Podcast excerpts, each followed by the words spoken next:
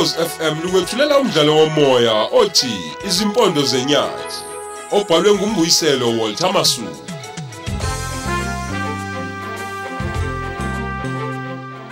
Yamukela eseshu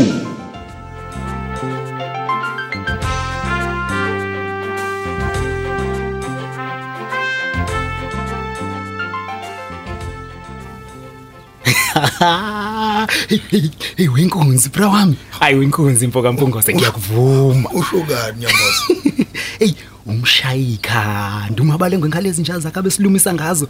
Kuthi akakhale mfowethu. Wena wena. Azozwa abantu mani bese bayotshela umabalengo unjani kanti wena? Hey wena akekho umuntu ozwelana nomabalengwe la. Akekho nje umuntu ozwelana naye ngalezi njalo zakhe futhi nje zifika kancane hayi man angekubaza abantu nenhliziyo zabo. Khona abantu abahlala njalo befuna ukuzenza bahle kuleli ibhunu lalela la. Munye kuphela umuntu ofuna ukuthandwa umabalengwe la. Uzonto nje kuphela. Uyena nje incele bani? Yabona ke indaba ufa kwalezi nje kamabalengo phakathi kwami nawe ingalokuthi nje yazi umunye umuntu sezwana mthaphuza hawu bra wami ngoba uyangazi nje ukuthi angikhahlelwanga mina iyashe esifubeni. Yabona mayiputshuka le ndaba? iyobe ivuziswa wena nje. Hayi ngiyacela ke mfowethu. Cela singaphinde nje sixoxe indaba lezi nje kamabalengo. Asisebenze.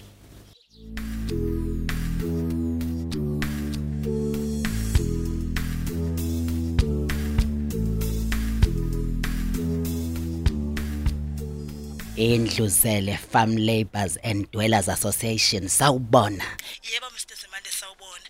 Ukhuluma nomthembi Mfusi la eHlobane Clinic. oh awu yebo sisithembe kunjani Hayi ngiyaphila bhuti njani kodwa nina? ngiyaphila nami ngiyaphila impela eh kuhamba kanjani lapho ebaqoloseni Hey kade ngifanele la leli plaza leli lakwa Foodbuka leli engaxoxela ngalo phela ukuthi leli yabhuni lakhona lichaphaza abasebenzi balo kabi kabi. oh awu washo ngalibona batheni Hayi bangicele phela ukuthi ngize eplazini labo nomtholampilo wethu lo ngumahamba nendlwane silethele abasebenzi bakhona eclinic. awu yazi wena into enhle ngempela lo yenzayo dadewethu Hayi kunzima mphephethu angifuni ungasho. Uyangibona la unkosikazi lo womnikazi weplazi eh wenqabe wala waphetha. Ungikhwele wangidilika wangitshela ukuthi abasebenzi bakhe abaguli ndawo yena abadinga eclinic bona. Ey, ey, ey, ngiwaze njalo amabhuna semaplazini. Uyazi nje insizwa kusebenza zikahulumeni awazifuni nokuzibona. Ngiye ngazama ke ukumbonisa ukuthi umnyango wezempilo unomthwalo ukuhambela zonke indawo ukuhlola abantu ukuthi banalo yini igciwane lesandulela ngculaza. Awu. He, ngilalele. Hayi wala waphetha uthe nje abasebenzi bakhe abanagciwane bona eh a- a- ngiye ngathi ngabuza nokuthi bayabanika yini amakhondom wathi nje hey abazela ukuzofaka amakhondom bona labazosebenza Ey. Uyazi ubudlala ngesikhathi sakho Thembi. Awu. Amabhuna semaplazini phela wafuni nje nokuzizwa nje izinto ezithinta izinsiza zikahulumeni emaplazini nawo. Athi amaplazi awumhlaba wawo. So nje akuwona umhlaba kahulumeni.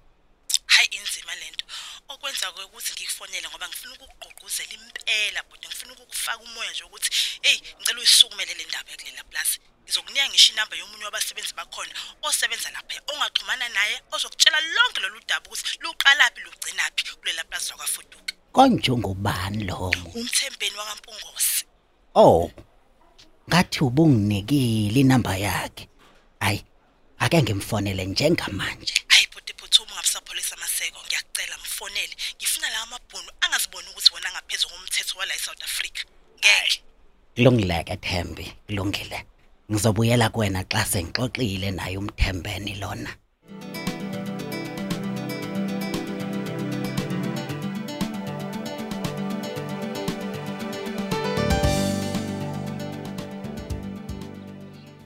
hello umthembeni okhulumayo sawubona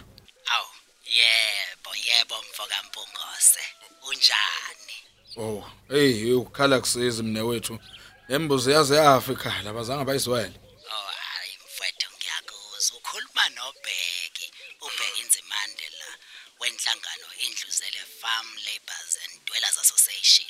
Ngisemgungundlovu. oh ayi awungichazeleke mne wethu Ey sewusha amagama amada engawezona kahle.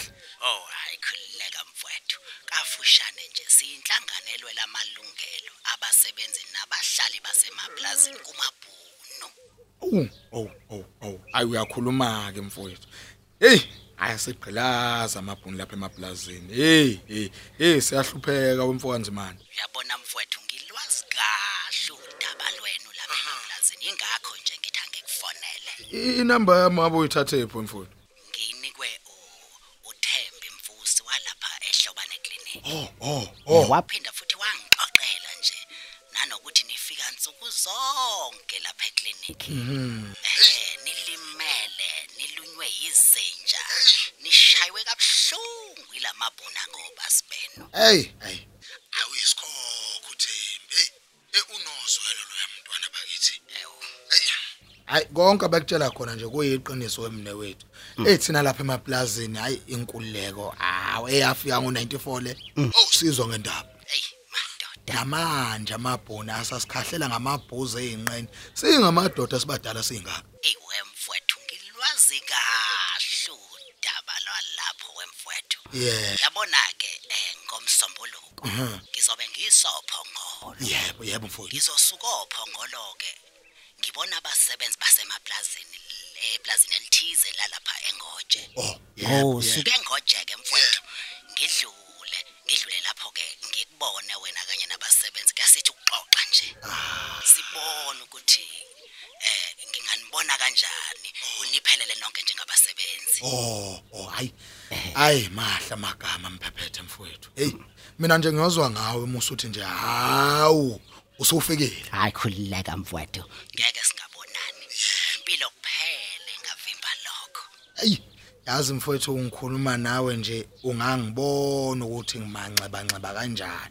Hayi. Hey, leli bhunu lingilumisa ngezinto mabalengo. Hey mfowethu, hey hey hey hey hey. Lapho njalo nami ngangizama ukusiza omunye umsebenzi. awu awu mfowethu hayi hayi hayi mina mfowethu anginandaba noma ngabe yingwe uyabona thina siyindluzela asisabe muntu Yebo. lelo bhunu ngithi mina ngizoligoba inkani Hawu.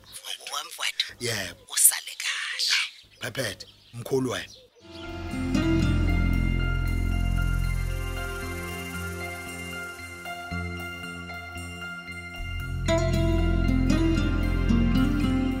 wayibuka wamamatheka nje ifoni yakho mfethu Hayi. Hayi ngikhuluma nabantu abakhulu mthaphuza lapha. Bale kude komgungundlovu. hayi bokhuluma bra wami bathini Umuntu engikhuluma naye uthi ungibheka inzimande. ehe Ya. Udume ngani mfethu udume ngani lo bheka inzimande wakho khuluma bra wami awu Alalake. Uthi inhlangano yakhe imela abasebenzi nabahlali basemaplazini. Igama la indluzela.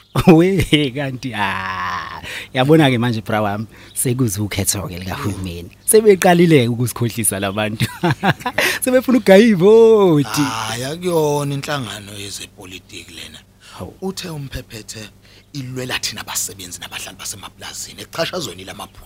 oh imake mfethu manje uthi uzosisiza ngani ke thina Hayi uthe uzongibona ngomsombuluko ntambama wona lo siyakuya. Uzongifonela sibonane ngimchazele ngaso sonke isimo senhlalo yethu lapha eplazini. hayi mina khuba bra wami hayi angisathembi lutho mina manje mfethu yabona labantu abahlezi befika la basithembisa izulu nomhlaba mfethu imvamisa basuke benamanga nje Hayi kodwa ke mfowethu ngiyacela nje esimnike ithuba unzimande mthaphuzi. Umbe nje uMose waseBhayibhelini owathunywa uNkulunkulu kuFaro. ekade mfethu kwasasithenjiswa hayi ngeke Uyabona ke unokusithemba ukukhulu unzimande. Ngimuzwe nje efonini. Lalela uzosikhulula eGibhithe loya.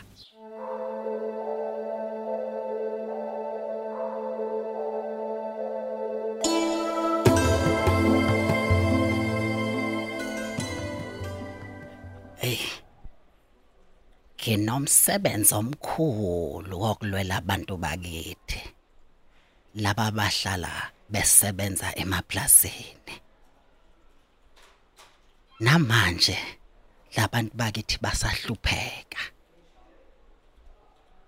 Noma sekuphela iminyaka sakhululeka siyiningizimu Afrika kodwa abantu basemaplazini basayizwa ngendaba indaba yenkululeko.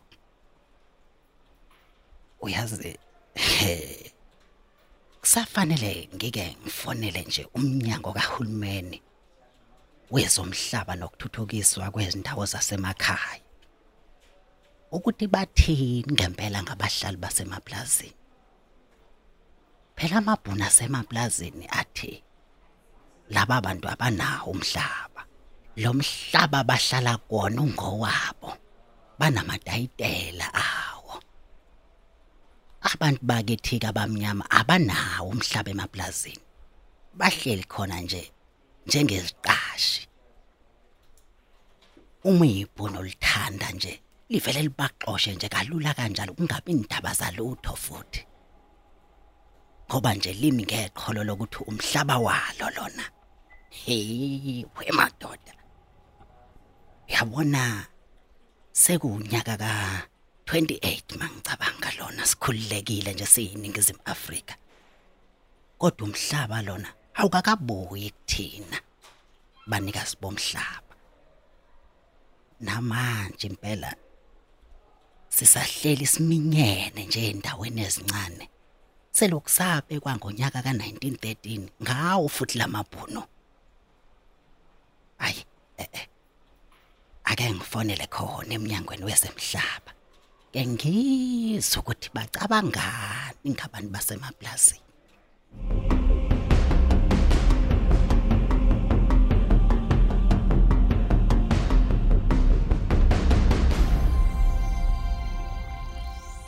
kwa rural development and land reform sawubona. Aw yebo yebo mhlonishwa.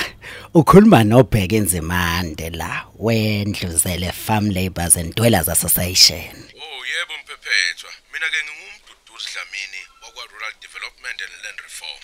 Aw sibalikhulu kuncane nje engikufonelela khona. Yebo. Inhlangano le engiyisebenzelayo ilwe labasebenzi basemaplazini eqhashazweni naseqgqilazweni ngamabhunu emaplazini hayi ngikulalela mphephetha ewu bayahlupheka abantu bakithi emaplazini wesibalikholo mina nje sengihambele amaplaza amaningi lapha kwaZulu Natal ngizibonela ngosiki usiza abantu bakithi abaphila ngaphansi kwalo. Ewu ngiyalazi udaba mphephethe siqonda kahle futhi okwenzeka emaplazini. Awu uma nilwazi ikuphi enikwenzayo ukusiza abantu bakithi abavotayo ababeke ithemba labo kulohulumeni osiholayo?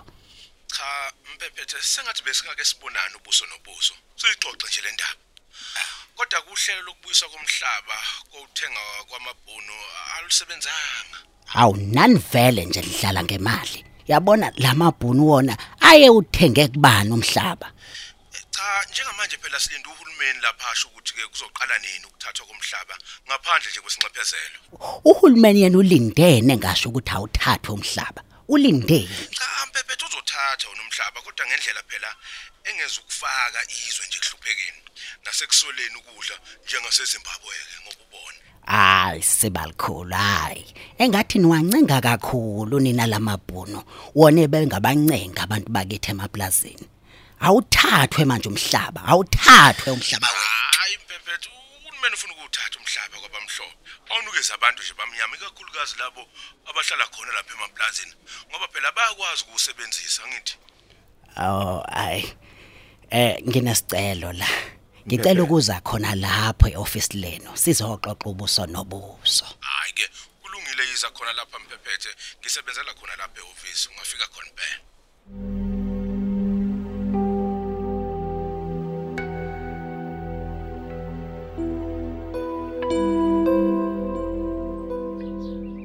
ikubizelani lempanga mpanga eh la ungitshela mfethu yazi uyangibhedela lo? Uyangibhedela mfethu uzongibizela ukungibuza ukuthi ngisola abani ukuthi ubani obulala izinja zikamabalengwe? Hayibo. Awucabange mfethu. Hayibo. Awukahle elikhonde nobumnyama engathi ibhodo lesizulu ngempela U- u- awukahle lichuma lichasaphi ngempela ekufeni kwezinja zayibhuni umfethu uthi phela uyakhala umaqhumbane kamabalengwe ngokufa kwezinja zakhe ebese zifana nezingane zakhe ke kuyena. usengaze akhalela ukufa kwezinja angazange akhala indoda yakhe ibulala umagawula ngesibhamu imfanisa nemfene Hibo. yakhala namhlanje. Wemfethu konje uyayikhumbula yini leyo ndaba? Akaze phela boshwa lelo cala. Inkantolo nje yamhlawulisa u10000 kuphela ebulala umuntu ke cabanga Eh, uyazi la eSouth Africa mfethu mawunemali awuboshwa inhlobo vele kuboshwa imali yakho. Njalo injalo Eh, futhi impela ijele lalakhelwe thina nje singenamali esizihluphekelayo